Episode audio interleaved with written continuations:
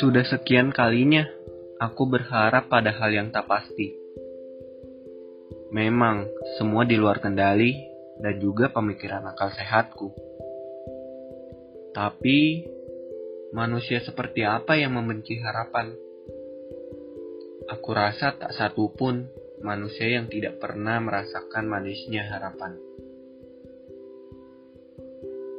Kau akan dibawa pada pemikiran baru, di mana hanya ada kamu dan segudang kebahagiaan menanti.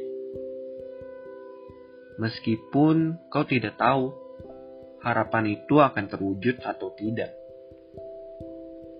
Harapan yang tercipta tidak selalu berhasil terwujud.